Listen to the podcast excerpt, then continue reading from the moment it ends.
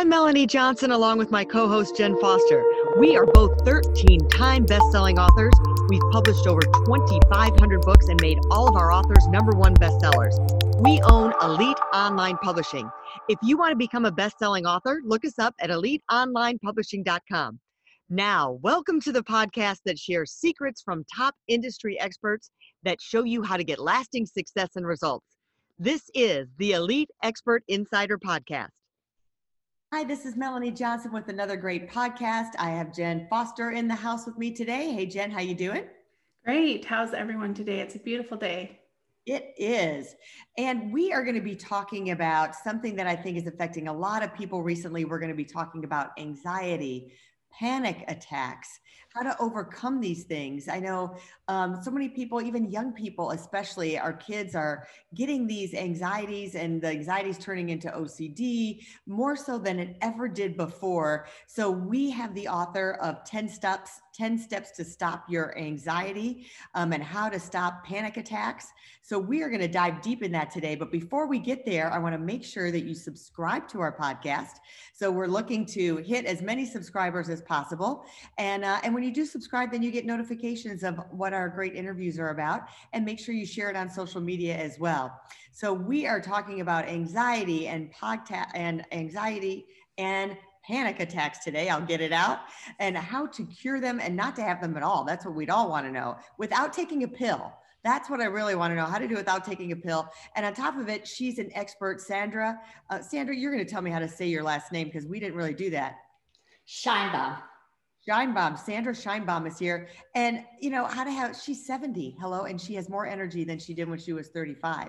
So I want to know all the recipes for that and how to do without medication because she's an expert at functional medicine as well. Welcome, Sandra. Thanks for coming. Oh, thank you for having me. It's a pleasure. I'm excited to speak to you and your listeners. Great. Well, tell us a little bit about how you got started in this field and how how you became that this expert. Well, I'm old, so it's a long story. I started out as a school teacher. I was in special education. I taught in a classroom. I taught at a local college that was teaching, uh, it's all about training people to be special education teachers. And I was always interested in what didn't have a name at the time. We're talking in the early 70s, mind body medicine. And so I loved learning. I went on and got a doctorate, became a clinical psychologist, spent many, many years, close to 40, working with really thousands of people and was focusing on how you can change things in your body by changing your thoughts, changing how you interpret things. And that led then to pursuing more training in functional medicine through the Institute for Functional Medicine because when you are trying to reach a calm state, for example, it's more than just changing your thoughts. You have to pay attention to what you're eating, the quality of your sleep. Are you moving around? So I used to get terrible panic attacks when I was in my 20s, where I'd have to go to the emergency room. I thought I was going to die. They were so bad.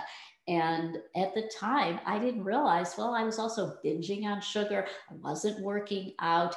And I was using thoughts that were pretty scary. I was scaring myself, thinking there was something horribly wrong. So I studied functional medicine, and that's where you address the root causes of what's going on. So I learned about how food, for example, plays a big role and is connected to uh, our thought processing and our emotional regulation. And then when I was 65, I had been a psychologist for many, many years, and I was not ready to retire.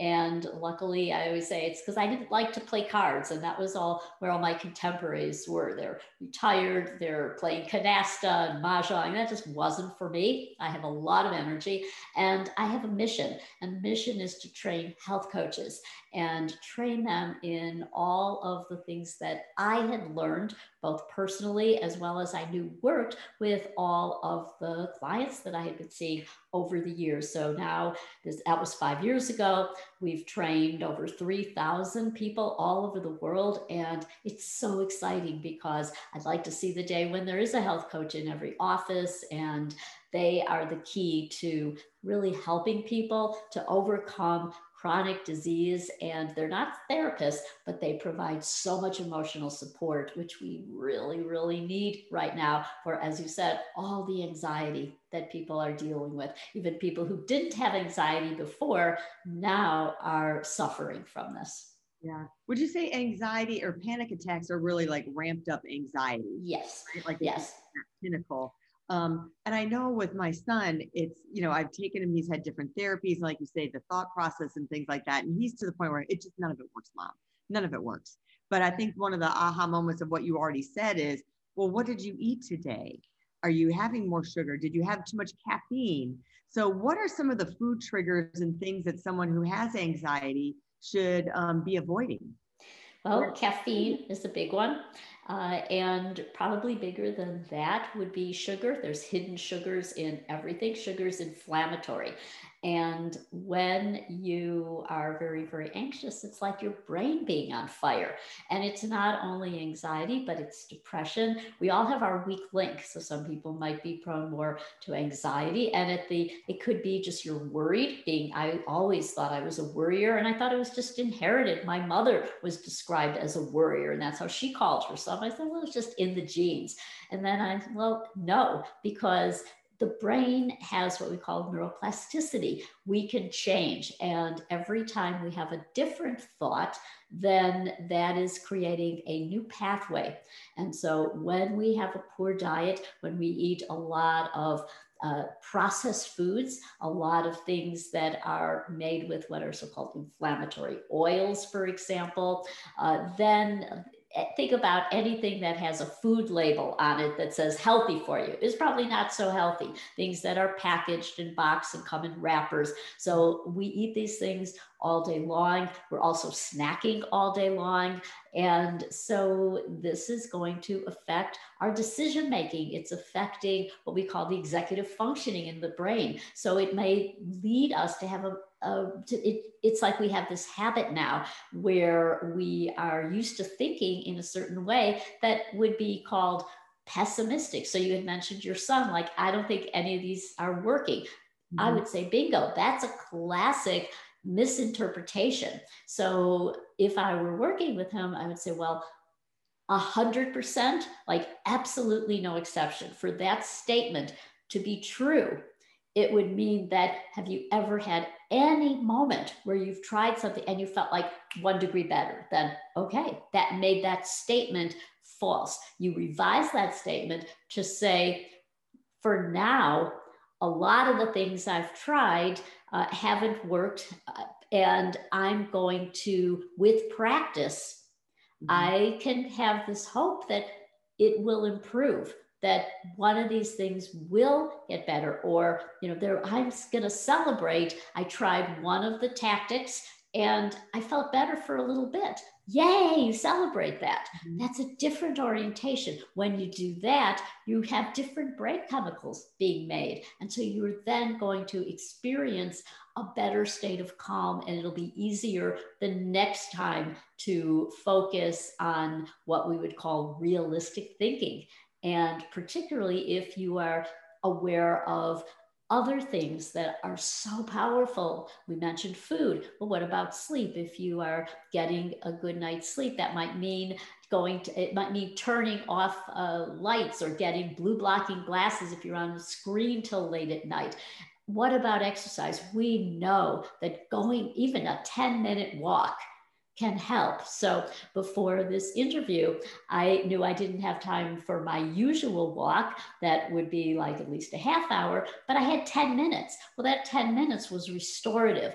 And especially if you have access to sunshine, many people have anxiety because, or depression because their vitamin D levels are low. And so that's what a functional medicine doctor would do. They would look at all of this and look at the big picture to say, hmm, are, what about the key nutrients that your brain needs? Are they optimal? So they might do some specialized testing.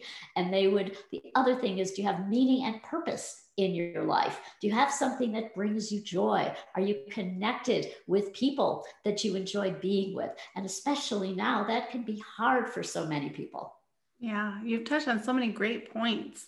Um, I love the what you were talking about with your mindset because the words that you choose and the words that you say really matter. So saying something like never or then saying possibility, there's so much power in both of those words. And to remember about what words you're saying to yourself. I think that's really important to change, like what you talked about. So those who didn't hear it, rewind and listen again, right? But um, Sandra, I also love what you're talking about vitamin D because I think a lot of times, especially you know, depending on where you live and if it's a rain, rainy or even winter time when it's snowing and that kind of thing, people can get depressed, and it and it is that vitamin D um, deficiency. So getting outside and taking that walk in the sunshine, and not just taking a pill that has says it has vitamin D in it, but actually going in the sun has so much power. What other um, supplements do you recommend? And also I want to talk about sleep a little bit. It's like getting the right sleep, but sometimes when you have anxiety, you can't sleep. It's mm-hmm. like, you know, that's the thing where that brain is kicking in and whatever maybe you ate during the day or what you didn't. So it's like that vicious cycle. So, how do you make sure you get good sleep and other supplements you could take?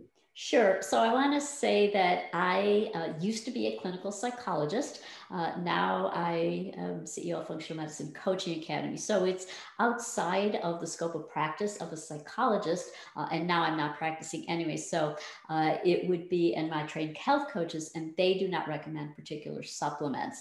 Uh, so I suggest that you look at really what are the B vitamins are calming, but you would never just go to the store or go online and just order something. You want to have a nutritional consultation. So if you are looking to uh, amp up your your health and you're concerned i think that we know that it's very difficult to get all of our vitamins and minerals from food particularly minerals the soil is depleted and so magnesium is one that most people are deficient in and so check with your doctor and see could you use a magnesium? And then it gets more complicated because there are different forms of magnesium. So again, you just don't want to walk into your you know, local drugstore or health food store and just pick up something off the shelf. You want to really consult with a nutritionist or a, a functional medicine doctor would really do the type of analysis to see exactly. But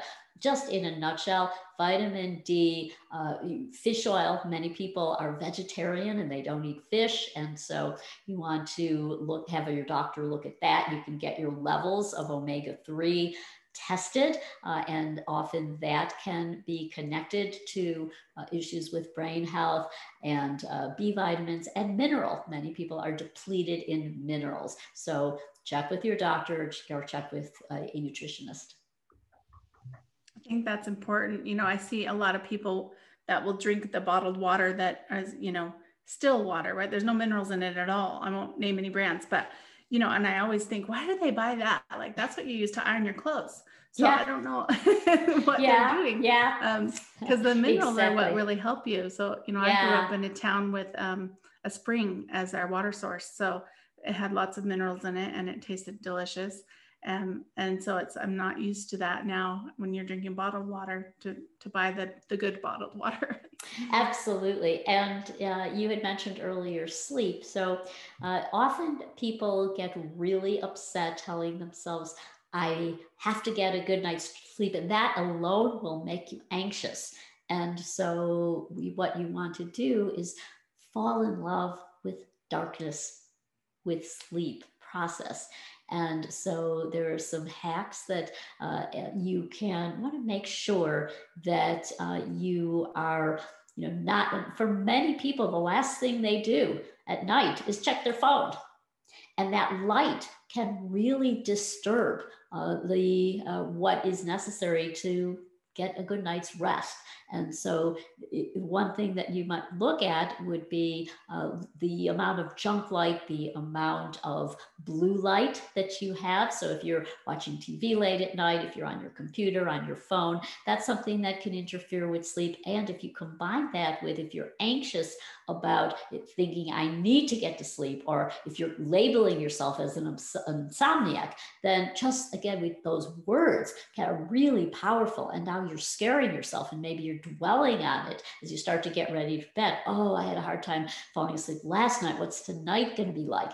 And so you reverse that by focusing on your body knows what to do you've fallen asleep hundreds of you know thousands of times uh, and if you were to sleep your baby when you were a baby you knew how to get to sleep so you want to start getting into that sense of trusting your body and powering down late at night to and uh, what else sometimes well we know if you have an argument with a family member, let's say, or you're on the phone and it's disturbing and you're aggravating yourself, or watching the news late at night. Those are things that can interfere with getting a good night's rest. I love that. And just making sure that you say the right words, like we talked about before, um, and saying those powerful messages to yourself that you know, oh, I, I can sleep like a baby. I slept like a baby for years, you know, when I was a baby, right? Yes, yes. Your body, that. your body knows what you do. And you use that time when you get into bed to daydream. And there's something else that's very, very important, whether we're talking about getting to sleep or managing your thoughts and what's driving anxiety, and that is breathing. So for many, many years, I taught breathing. Way back in the 70s, I was doing this before they called it breath work, which it's now called. And it's really uh, getting back to a baby. Watch a baby breathe. And they're breathing with their bellies, their tiny little bellies are going up and down.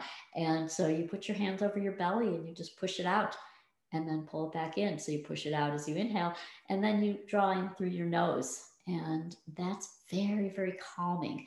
And if all you did was focus on a belly breath and make it really, really slow, like super slow motion, that's going to create a sense of calm. It's sending signals that you're going to be more in balance. Uh, you're going to be more in a state of balance. So, breathing, don't forget to breathe there's a great uh, app I've been using called BreatheWorks, and it throughout the day it's having you do different breathing exercises, either for calming or for energy, and I've really enjoyed that. You we're talking about foods a little bit too. What do you say are calming foods for someone who has anxiety? Like we said, don't eat this, you know, but what should we be doing? What should we be consuming? So, well, you want to make sure that you are getting uh, a lot of people are protein deprived so i think it's it's not so much kind of calming foods it's what you might want to avoid um, but as far as foods it's, it's just the general good nutritional recommendation. So you want to we call it eat the rainbow and so look at a variety of you want to have lots of greens and little spices dashes of, of color. So how many colors can you get in during the day and so be creative. And so the other thing that with food, you want to make sure you have joy of food. Sometimes we get so caught up in micromanaging what we're eating and we're so worried are we getting the right nutrients and the right balance and we're counting calories or counting carbs and that can throw us off track in terms of not getting the joy of food so what's going what do we need first and foremost with anxiety we need to be digesting our food.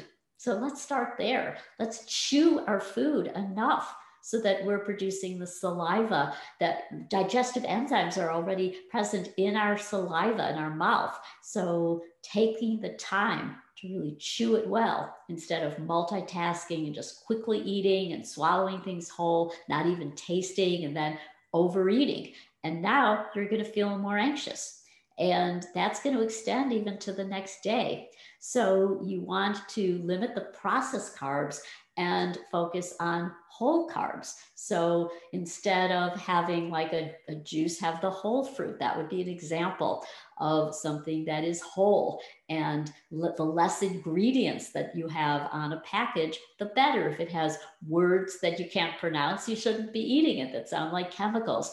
And then making sure you have adequate protein and adequate fats. So you want to be having great things like olive oil and avocados, healthy fats that are, and uh, if you eat fish, the the wild salmon, the uh, mackerel, and anchovies, those are foods that are high in omega 3s, and that, those are brain foods. And so uh, we used to fear fat We used to fear that fat was bad. I remember that in the 80s and 90s and it was fat free. And so now we're look, we have better science and we're looking at not vilifying fat, but we need fat to uh, have a healthy brain. And what would you say about laughter? You say laughter is so important. Oh, they say laughter is the best medicine. It is so important. So, at Functional Medicine Coaching Academy, we teach based on positive psychology, and that is based on the study of character strengths. What's right about us? What are these strengths that are in all of us? And one of them is humor. And it is one of the top strengths. So, even when things are really uh, the world is in chaos and under even the darkest circumstances people have used humor and we could look throughout history to see this so using humor whether you are somebody who it's likes to joke around or like me i'm terrible at joking around and tell that i could remember never remember a joke but i always laugh at jokes so it's a time to really use humor. I love I that. love that. Yeah. I think that humor definitely, you know, making sure that you're laughing. And if you have anxiety and you're de- depressed about things, you got to find something that makes you laugh. It'll yeah. Change, it changes your whole state, right? As exactly. Laughter is a really great release. It's very, very therapeutic. And there's even just smiling so, yeah. just the physical motion of creating a smile changes your brain chemistry. I love yes. that. So we're going to leave on that note. Remember to smile and laugh.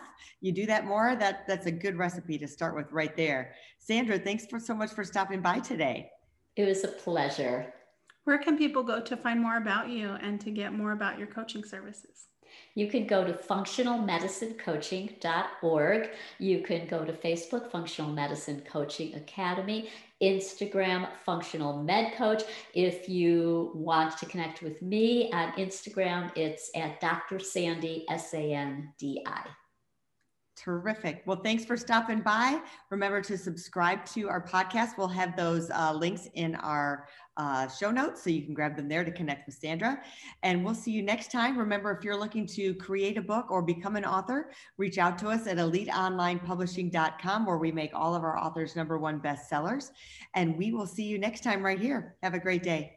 Bye. Hey, are you looking to increase your revenue, build credibility, and elevate your brand? This podcast is brought to you by Elite Online Publishing, an innovative publishing and full spectrum marketing company. They will publish and market your book to make it a number one bestseller. Becoming an author is the best way to market your business. So contact them at eliteonlinepublishing.com today. All of their authors become number one bestsellers.